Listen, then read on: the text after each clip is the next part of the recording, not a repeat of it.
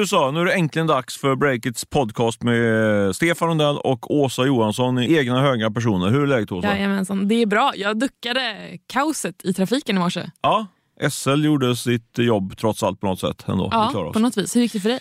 Det gick jättebra. Jag, så jag kunde ta mig en, eh, satt på ett café och myste här och förberedde mig inför, inför dagen. Och fick massa inspel som från, framförallt från en kille som heter Jimmy Jakobsson på Engage som gjorde att hela min spaning höll på att haverera. Men jag väljer att bortse från hans inspel den här gången. Ja, men bra att du säger det från början då, så att uh, vi vet. Ja, absolut. Du, eh, huvudsponsor har vi med oss, Swedbank, eh, denna vecka också. Vilket som jag alltid brukar påpeka är väldigt avgörande för vår journalistik. Vi är väldigt tacksamma för det.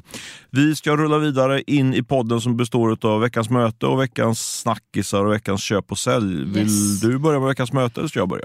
Eh, men kör du. Jag kör. Du, jag har trippelmöte eh, den här veckan. Eh, tre personer har träffat, inte bara en årsredovisning utan tre personer på, fysiskt har träffat dem. Vi Ah, kramades inte, snyggt. men vi var ändå på, vi var ändå på plats där. Eh, dels var det Christian Elfing och Johan Hunter Oja på, från ett bolag som heter Feiron. Eh, så det var två stycken killar och sen var det en kille till, Axel Bruselius på Arc Capital. Eh, och det där, de, båda, eller båda de, de driver ju dels Arc Capital och då Feiron som det heter. Eh, och det är ett eh, jättespännande trend och rörelse skulle jag säga på, på, i techvärlden och på de finansiella marknaderna. För de jobbar med lån som jag varit inne på tidigare. På. Eh, och lån är det nya svarta. Nu är det riskkapital ute och nu ska man låna istället. Och båda de, Feiron håller på att lansera en låneplattform och Arc Capital jobbar ju redan up and running. De går- gjorde ett stort lån till eh, Estrid här för några veckor sedan eller två på 120 miljoner tror jag det var. Det är lite pengar. Ja, verkligen. Men det som jag tar med mig från de här två mötena det är att eh, det är liksom ett nytt sätt att, att ge ut lån. Alltså, traditionellt sett så har man ju kanske tittat på historisk data om man går till banken och får, man kollar årsredovisningar, man kollar på hur det ser ut, på hur mycket pengar man har i kassan och sådär. Och Man, och man gör någon form av bedömning av affärsplanen och så. Men det nya nu är ju att de här öppnar upp eh, liksom, nya segment på marknaden. Eh, Företag som tidigare inte kunde få lån kan få lån via de här spelarna genom att man eh, analyserar datan och lite grann faktiskt tittar in i framtiden hur det ska gå. Det tycker jag är superintressant. Men hur mycket kan man lita på det då?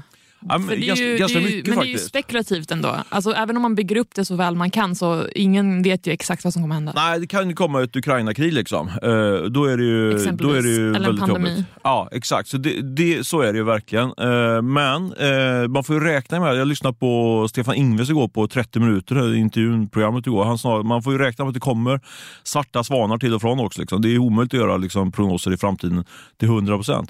Men det som jag tyckte var intressant för de här två mötena det var att jag liksom kunde grotta mig ner lite mer i vad, vad innebär det egentligen att de gör de här prognoserna. Och som ett exempel som jag tänkte dela med mig till alla lyssnare och dig här då, det är Ja, få höra. Ja, men liksom hur det går till. Det, det, en, en sak de tittar på det är ju vad Många företag, många framförallt SaaS-bolag då, som har prenumerationbaserade modeller, de eh, köper ju kunder kan man säga genom marknadsföring. Man annonserar kanske, och så kommer du kanske in på sajten och blir intresserad av en tjänst och eh, i bästa fall konverterar du till köp. Då. Eh, och då genom att titta på hur mycket pengar man lägger på, på att få lyckas konvertera en potentiell kund till en kund, då, då kan man utifrån det dra slutsatser om hur stora intäkter det här bolaget kommer ha eh, på sikt. Eh, och på det här sättet så, jag tror Axel Bruselius som sa att de kunde med en eh, över 90-procentig sannolikhet eh, bestämma, eller, eh, prognostisera hur stora intäkter de skulle ha flera år fram i tiden. Och vet man det, om man då känner sig trygg i det, då kan man ju då säga okej, du kan låna X eller Y kronor på det här. Vilket en vanlig traditionell bank då kanske inte kan, då, för då tittar man på mer historisk data. Ja, är du med mig? jag är helt med. Ja. absolut. Men det, är så här, det finns en anledning till varför en traditionell bank tittar på historisk data och inte försöker sia i en spåkula. Ja, så kan man säga. Eller hur? Så kan man säga. Alltså Eh, sorry men jag sågar det här. Det, det låter shady. Nej, det är inte shady. Nej, det är det verkligen inte. Nej, jag, jag tror att de hittat upp en... eh, Du får du tro om du vill, men jag tror inte att det är shady. Men eh, jag tror att de hittat upp och hittat en helt ny nisch liksom, på marknaden som jag tror att är bra liksom, för hela, hela startup-communityn här. Liksom, för det öppnar upp för att man slipper att ta in så mycket riskkapital och kan istället eh, belåna sin verksamhet. Det bygger på att man har fått igång intäkter och så. Eh, så det är Men, liksom men det betyder ju också att Alltså som du säger, i och med att det här är en, alltså en, en, en lånaktör, kan man kalla dem för det? Ja, absolut. De vill ju ha tillbaka sina pengar. Så om det här som man ser i spåkulan inte stämmer, antingen alls eller delvis, så måste ju de här entreprenörerna betala tillbaka. Så är det. Så att det finns ju absolut en risk med det. Ja, men så är det. Men samtidigt om du, är, om du tar in riskkapital och din verksamhet inte går som du, som du hoppas på, då kanske du inte ens får in nytt kapital från ägarna. Alternativt så, så tar de hela ditt bolag och spär ut det. På den vägen så tappar du ditt bolag. Så det, det är ju risker med all verksamhet. Liksom, Ja. sånt här. Men jag tycker att det här är en intressant alternativ liksom, till, till traditionellt riskkapital. Och jag tror att det, här, det- kommer växa, helt övertygad om det. Vi får se, vi får följa upp Ja, det. men där är jag med dig. Det kommer helt klart växa, men eh, hur stort det kommer bli, det, det får vi se. Det får vi återkomma till. Det var Ja. min spaning den här veckan. Tre Ja. stycken på en gång. Då. Har du, hur många har Ja. du träffat? Alltså, jag hade ju ett moment med Tobias Baudin A igår. moment, det Ja. var dramatiskt. Ja, där ser man.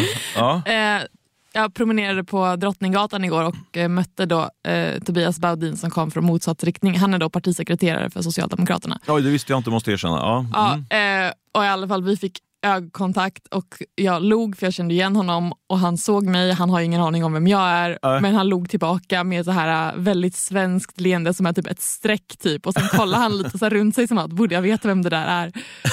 Kvalade in som ett veckans möte. ja, jag känner igen. Väldigt, väldigt hög igenkännelsefaktor. Jag kommer när jag var, när jag var faktiskt, kanske ännu mer när jag var ny i Stockholm. När jag träffade på kändisar på gatan så hejade man på dem för att man trodde att man kände dem bara för att man sett på TV.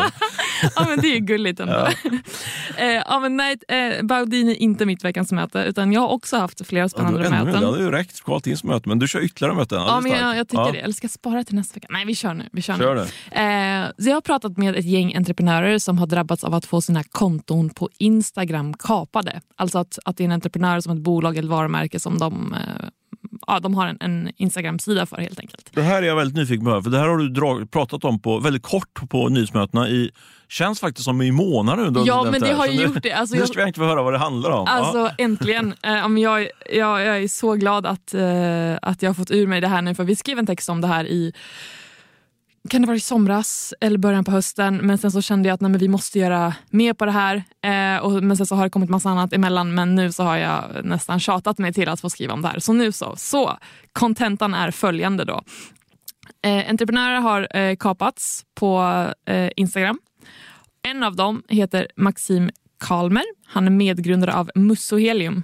Har du koll på Mussohelium? Nej, inte alls. Det har jag inte alls. Men jag tänker mig, när du säger kapa, så jag fattar det. Det är helt enkelt att någon har tagit över deras konto. Liksom. De har, de har inte kontroll över sina konton. Nej, precis. Ja, Någon jag tar kontot. Mm. Eh, Mussohelium är i alla fall ett barnboksvarumärke och de hade 11 000 följare eh, när de kapades och de krävdes också på betalning. De fick ett så sms eller WhatsApp-meddelande bara hej vi har ert konto, betala. Typ. Oh. Ja. Hur mycket skulle de betala?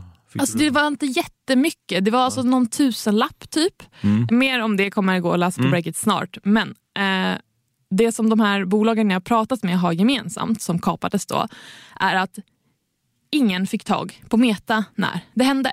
Dels så var det jättemycket strul med att den här nej, säkerhetsprocessen då, och liksom, eller åtgärderna som man ska vidta när man råkar ut för det här, det funkade inte. Det var bara lagg, det buffra, det ena med det tredje.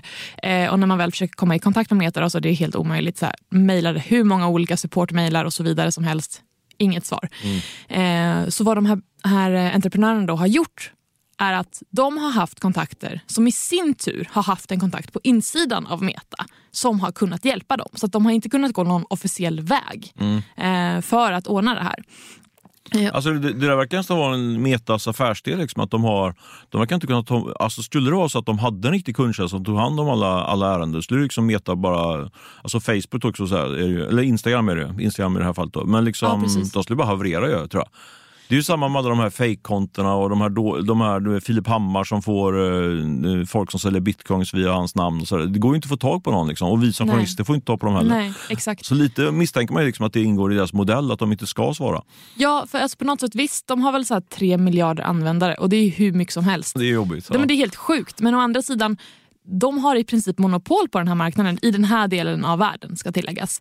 Men det betyder ju inte att man kan, kan tumma på säkerheten för användarna. Men å andra sidan, de här som jag har pratat med på frågan kommer ni att fortsätta använda Instagram? Ja visst. Alltså, de har för många följare. Om du har mellan nej men upp till 100 000 följare, det är ingenting som du bara kastar bort. Det har tagit år att bygga upp det här. Det är så du kommunicerar ut vad, vad bolaget gör, vad som händer med varumärket och så vidare.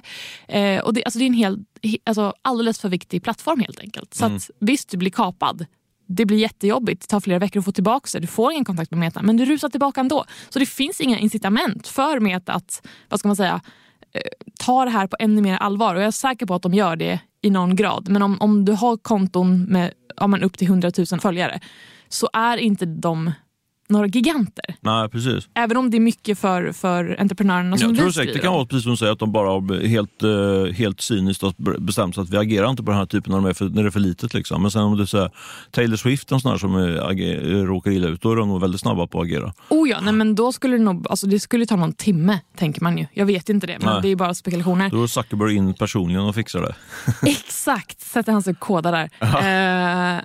Men alltså, åh, alltså, marknaden är ju så skev också i och med att ja, men, Meta har ju som ett monopol. Ja, ja liksom. verkligen. Det är därför de Ehm. borde, bara, de borde bryta upp det där monopolet. Jag tror, jag tror det kommer hända, precis som det gjorde med de här stora stora oljejättarna på 20-talet i Ja. USA. Så det, det tror jag. Men eh, fram tills dess så är det ju jobbigt. Ja, verkligen. Ligger den ute artikeln nu eller kommer den ut nu? Det kommer i början av nästa vecka.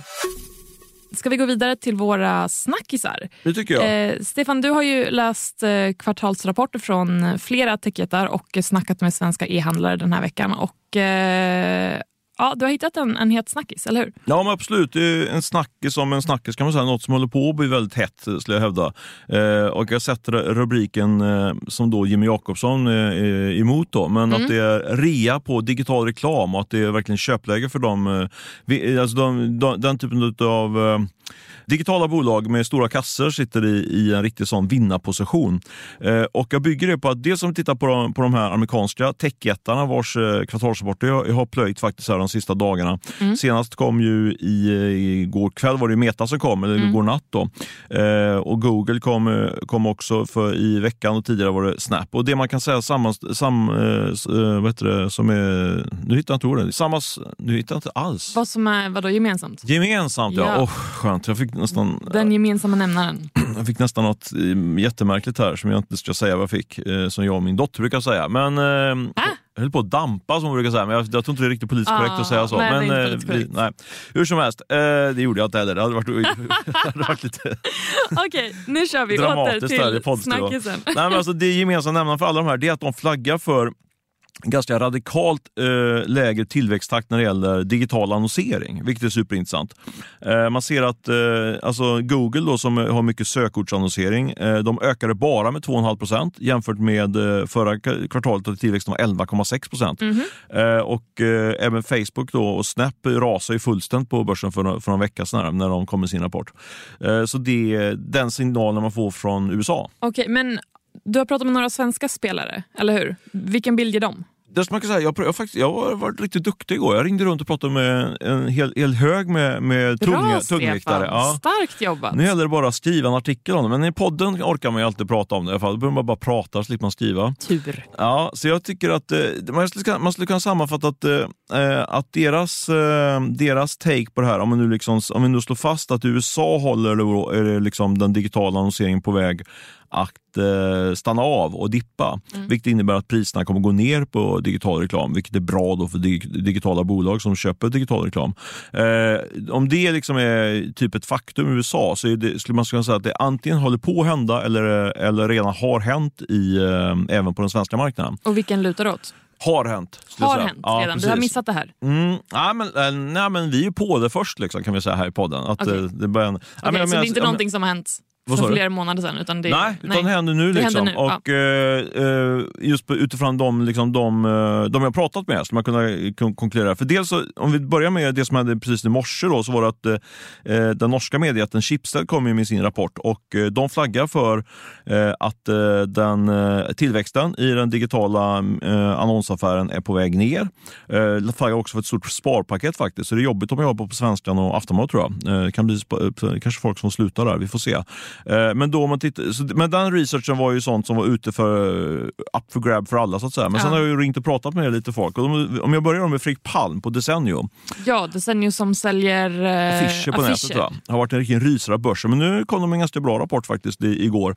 Eh, och han eh, vittnar om att eh, priserna på sökord eh, har faktiskt börjat gå ner. Och det har han märkt under flera månader nu eh, i, i deras segment. Då. Alltså det innebär liksom om de, om de köper sökordet eh, affischer eller något sånt där, då har de priset på det, på det ordet gått ner ganska mycket på, på Google.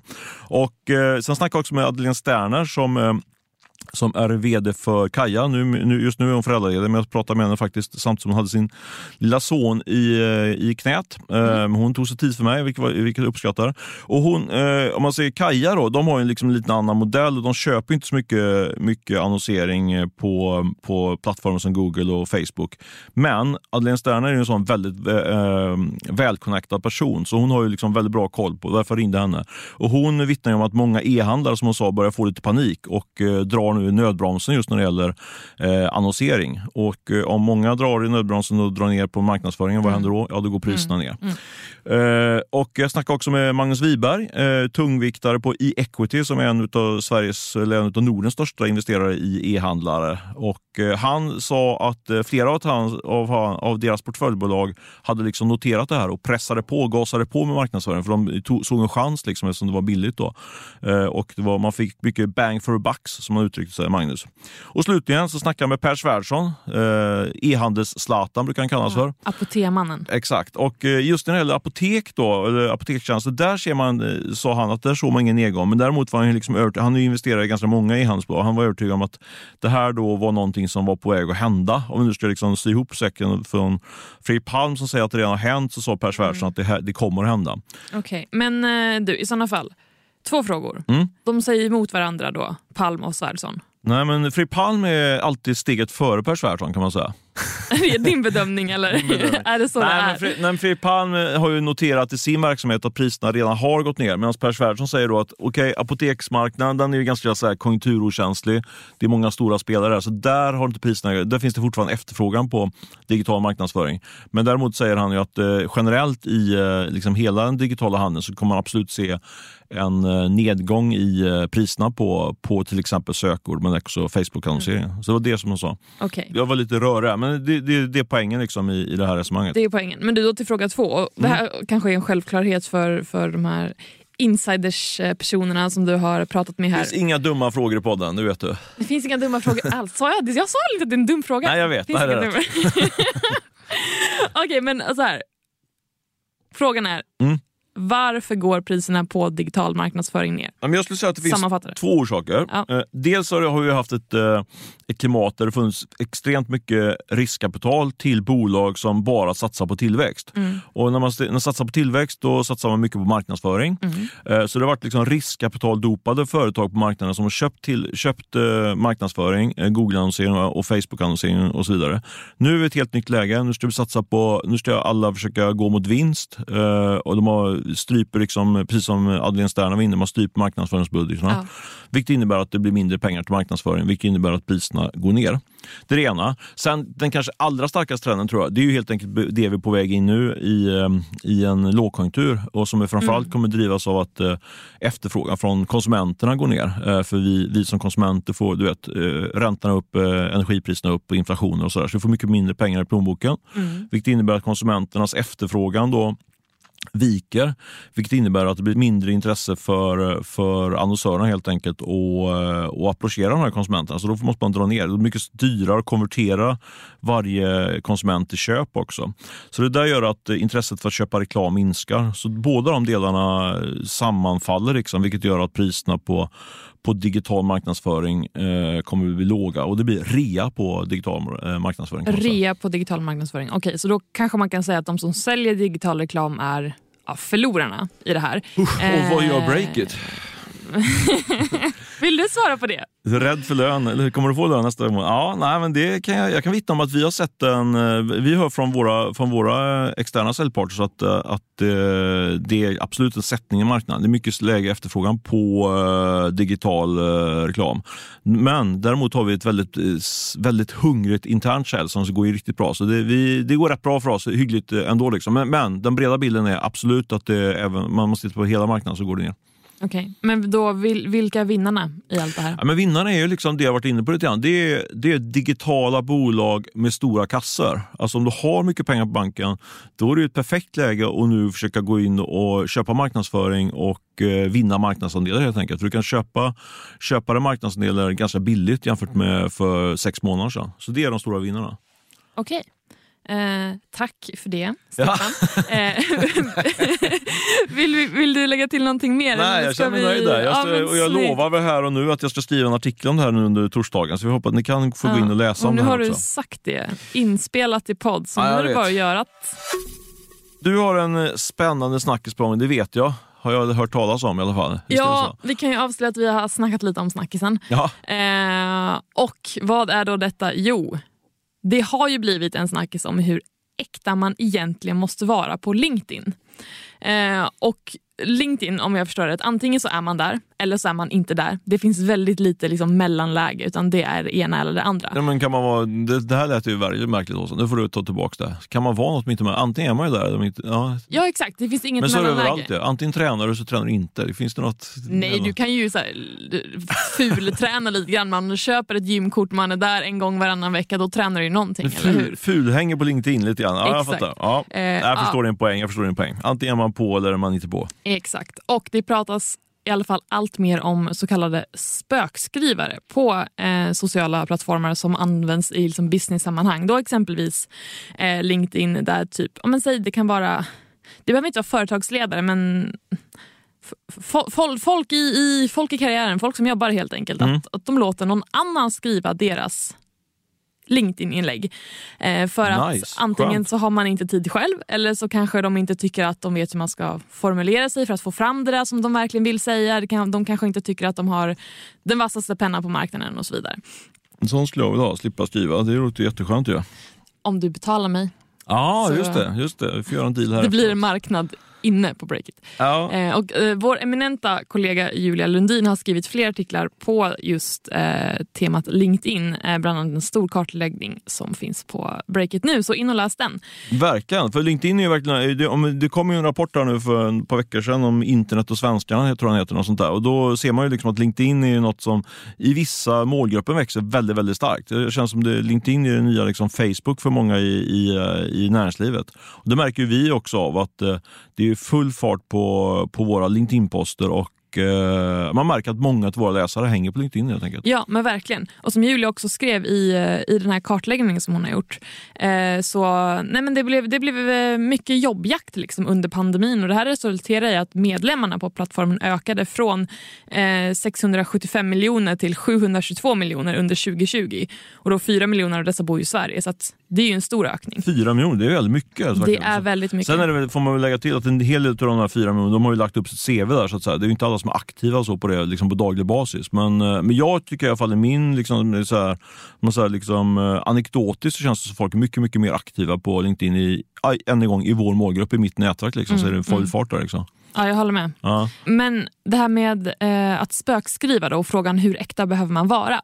Eh, och jag har läst några artiklar på Business Insider nyligen och där stod det att spökskrivare eh, kan tjäna upp till 700 dollar i timmen på att hjälpa liksom, högt uppsatta chefer att då göra de här inläggen och bygga sitt alltså, personliga varumärke på 700, plattformen. nu ändrar jag mig. Nu kan jag faktiskt jag ändra, byta karriär. Jag skulle kunna tänka mig att sitta och skriva sådana spökinlägg om man får 7000 spänn i timmen för det. Det låter ju... Ska du ge upp din journalistiska integritet och kämpar-andan för sanningen och demokratin för pengar? Allt för pengar. Ja, men det Alla har ett pris. Trevlig, Alltså, trevlig, det, ja, trevlig tillvaro. då behöver man inte jobba så jättelänge. Nej, verkligen inte. Ehm, så det är ju någonting och det finns ytterligare ett exempel från eh, också från samma källa, från Business Insider, där spökskrivare skrev för riskkapitalbolag i USA, men de la ut det på Twitter och inte på LinkedIn. Och där var det någon som skrev att den hade tjänat 200 000 dollar på ett år som ett extra knäck. Otroligt. Helt otroligt. Men då kommer man ju lite in på det här, hur äkta behöver man egentligen vara?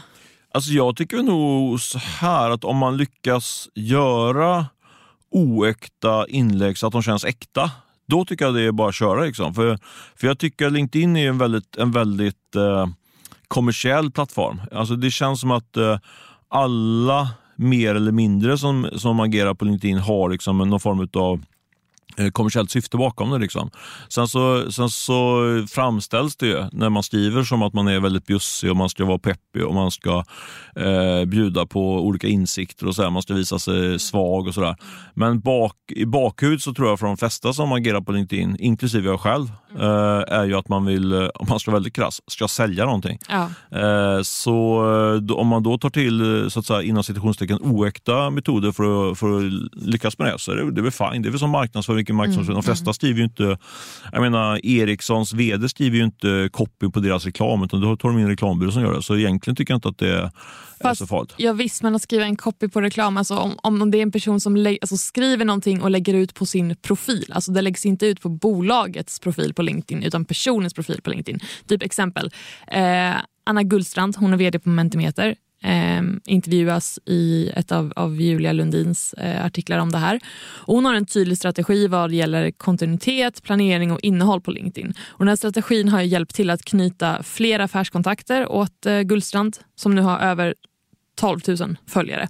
Eh, och hon postar ett inlägg varje dag eftersom att frekvensen är viktig för algoritmen. Eh, och hon driver ju agendan men hon jobbar med en konsult som då ska vara en duktig skribent som hjälper till med vissa formuleringar. Så att det är ju inte rätt och slätt äkta, men det funkar. Mm. Verkar det som. Och då blir det så här, jaha, okej. Hon är ju liksom, visst hon, hon är vd på ett bolag men det här läggs ju inte ut på alltså Mentimeters LinkedIn-sida utan det är ju hennes. Men hon, jag läste ju den där, hon, samtidigt säger hon ju att hon eh, i varje inlägg så, så länkar hon ju till eh, Mentimeters eh, jobbsökarsajt tror jag det var. Sådär. Och, då är, och eh, ja, men jag, jag, jag är ganska krass i det. Att då, eh, om du skriver på LinkedIn eh, så gör du det utav någon form av kommersiella professionella skäl. Liksom. Eh, Så att det är på din privata, jag tycker inte man är privat på LinkedIn utan det, hon är ju vd på Mentimeter. Liksom. Mm. Alternativt så är du konsult inom någonting eller, eller Ja, visst, ja, men inte, inte liksom. privat, men det är det är en sak att posta någonting på ett bolags liksom, profil än Mm. på en... Nej, jag tycker en inte det. persons Vi, jag tycker nog, vi tycker nog olika. Jag tycker liksom att eh, hon är, hon är en företrädare för bolaget liksom, Mentimeter. Och då får man, det ingår liksom, när jag läser, jag tycker hon är väldigt bra för, för övrigt på, på LinkedIn. Eh, för det finns nyanser där. Jag, menar, nu, jag låter ju väldigt cynisk nu liksom, och säger att alla bara skriver på LinkedIn för att, för att sälja saker. Liksom. Men Men jag menar i den kontexten, eller vägen fram till, till en försäljning kan ju också innebära att man får mycket eh, bra insyner, eh, insikter från Ja, till exempel Anna Gullstrand. Så jag, menar, det är, man får ju, jag får ju värden liksom, från henne när hon skriver. Och ett, ett värde kan vara att hon öppnar upp sig och bjuder på, på sina, sina eh, vad säger man, utmaningar då, som, som vd på Mentimeter. Och sådär. Men, nej, Men kan man lita då på de här utmaningarna? Är det verkligen äkta vara eller har man snurrat till det på ett eller annat sätt? Ja, men där tror jag, där börjar man ju gå in på, för alltså det vill man ju verkligen att man ska kunna göra. Och det, jag har ju hört faktiskt från, från en person som, som har bra insyn i den här LinkedIn-världen att det finns folk som liksom fejkar till exempel typ psykisk ohälsa och så. Liksom skriver om hur hemskt och jobbigt de har haft i olika sammanhang. Men de har inte haft det. Då, då går man över en, stor, en riktigt kraftig gräns som jag inte vill att man ska passera. Det måste vara sant det man skriver. Men Eh. även om man går, alltså, om det är som du sa alldeles nyss, Mm. om man har i bakhuvudet att, att LinkedIn, de inläggen som är där, det är för att sälja någonting mer eller mindre. Mm. Men man måste ändå vara... Ja, men absolut. För att jag ska köpa någonting så vill jag att eh, avsändaren ska vara ärlig liksom, i sitt uppsåt. Det är en men till men att jag hur, köper hur någonting. vet om den är ärlig då? Nej, men det vet man ju aldrig. Jag vet inte om du är ärlig. Om du säger, liksom, det får man, man får göra en uh, okulär besiktning och får Ja. se, känna om det Ja. känns äkta eller inte. Det, det, det är det jag menar, äkta i bemärkelsen att eh, det här känns Eh, som Anna Gullstrand säger, det spelar inte stor roll om hon skriver eller om det viktiga är att det kommer från henne att hon tycker det hon säger. Mm, Liksom. Men, mm. då, men man kan aldrig veta riktigt. Nej. Som den här killen som skrev, eller om det var en tjej, jag vet inte, som skrev om här sin psykiska ohälsa. Det fick jag ju reda på långt efteråt. Liksom. Och Ja. det, det känns inte okej. liksom. Den, då, kommer ju liksom inte, då blir det ju sälj på den personen. 100 procent, jag håller med Ja. dig. Vi skulle kunna prata massor mer om det här känner jag. Ja. Men eh, det kanske är dags att gå vidare till eh, nästa segment som är veckans köp och sälj. Ja, underbart. Ska jag ta veckans köp? Gör det. Jag är faktiskt peppad på, på att ta veckans köp. Jag, det, här är en kille som har fått mycket skit. En del skit från mig, men nästan ännu mer från... Och jag, men jag lite indirekt har blivit hans, eh, hans eh, coach, inte coach, men hans, eh, hans peppare här lite grann. Fredrik Palm på Desenio. Jag är typ den enda som tror på Fredrik. Ja, det, det är du. Men, vi men, nämnde honom tidigare här. Ja, men precis. han jobbar ju på, ja, precis som du sa, Decennier. Ja, precis. Och, men faktiskt, jag var inte den. Igår var faktiskt, för efter de kom med sin rapport så gick faktiskt aktien upp med över 30 procent. Jag vet inte hur mycket omsättning var i den. Sådär. Eh, men hur som helst, eh, de har ju, det har varit en katastrof för börsen, Desenio. Mm. Men eh, efter att ha snackat med Fredrik Palm, dels om eh, kostnaden för... Vad sa du? Katastrof på börsen. Ja, Ja, men det förlåt. har det varit. Det har varit en katastrof. Herregud. Kalla spa, sak, en spade för en spade brukar jag säga. Men, eh, men så här är det med, med Fredrik Palm. Dels snackar jag med honom om, om eh, den här sökordsmarknadsföring och så Ja. Vidare. Men eh, jag passar också på att snacka med honom om, om rapporten. Och Jag tror faktiskt att de har något riktigt spännande på gång. För de har ju gått in i USA och redan idag har de ju, utan att, utan att vara etablerade i USA, så har de, säljer de för, om jag kommer ihåg siffran rätt nu, 50 miljoner per år. Och Nu har de folk på plats, de har ett eget lager och gasar liksom på den amerikanska marknaden. Och Den marknaden är lika stor som den europeiska när det gäller att sälja eh, affischer på nätet. Eh, så jag tror att, eh, att de har en rejäl potential och, eh, och lyckas där helt enkelt och, och, och vända det här bolaget. En riktig sån turnaround för, för Desenio. Fortfarande får man ju då ha, ha i bakhuvudet att de har en jättestor obligation som förfaller 2024 tror jag det är. Så den ligger och tickar där. Så vi får se om de lyckas undvika en nyemission. Men jag tror operativt och bolaget tror jag kommer att kunna bli eh, kommer slå eh, världen med häpnad. Eh, nu tar jag i för så spricker här. Slå världen med häp. Från, från katastrof på börsen till att slå världen med Jag häpnad. vet, jag babblar lite grann. här, Det, men- vill, det är reportage vill jag läsa. Men Fredrik kan behöva det. Men, så det är veckans köp på mig. Fredrik Palm på Desenio. Då går jag över till min veckans köp som Ja. är eh, Funda Ses- Seski och eh, Sara Kappelmark som tillsammans tar över som ny VD, VDR efter eh, Erik Engelau Nilsson på Norrsken. Eh, och de här två har eh, jobbat på den här stiftelsen eh, sen tidigare. Funda har jobbat i fem år och Sara eh, började i början av året. Och nu så blir de alltså vd tillsammans. Delat ledarskap. Ja, Ja. Jag tycker att det här är bra. Two minds are better than one. Först så tänkte jag att det här var köp för att jag tycker att det är nice att det är två kvinnor. Och sen så kom våran, eh, våran kollega Emil eh, Vidhagen som tyckte att det är skitbra med två vd för att eh, ja, två bättre än en helt enkelt. Det är bättre att bolla och så vidare. Var, varför inte dela på, på ansvaret och ledarskapet? Just det. Ja, det blir spännande att följa. Det är en het sektor. Impact-sektorn är en av de få som investerarna flockar sig in fortfarande. Så ja, Visst. eh, lycka till Funda och Sara får vi säga. Yes, köp dem. Veckans sälj för mig då. Nu, Yes. får, nu har jag varit så snäll här mot uh, Fredrik Palm här, så nu måste jag gå in och såga rejält på Baby Shop. De eh, gick ju in i rekonstruktion här i veckan, eh, vilket får man säga är en rejäl säljsignal. Jag hörde ryktas på stan att det var så att eh, deras bank, de fick ju ny bankfinansiering här för, eh, för, för några veckor sedan, någon månad som var det kanske. Och eh, det gick inte så bra. De eh, Nej. bröt sina kovenanter som det heter. Alltså, de lyckades inte leva upp till de villkoren de skulle ha och då krävdes det mer kapital från ägarna. Och Det tycker jag var en intressant datapunkt nu i, i dessa tider. De har ju eh, bland annat Christian Stenbeck och Verdane som är ett jättetungt riskkapitalbolag. Men ingen av de här parterna var sugna på att skjuta in så mycket pengar som det krävdes och istället så satte man bolaget i rekonstruktion. Och Det tror jag är lite så här, tidens tecken att eh, det räcker inte med att man har riktigt tunga ägare utan eh, det kan vara så att de här ägarna är sugna på att lägga in pengarna eller tvungna att lägga in pengarna i andra bolag som också går dåligt. Så det är inte säkert att man klarar sig på det.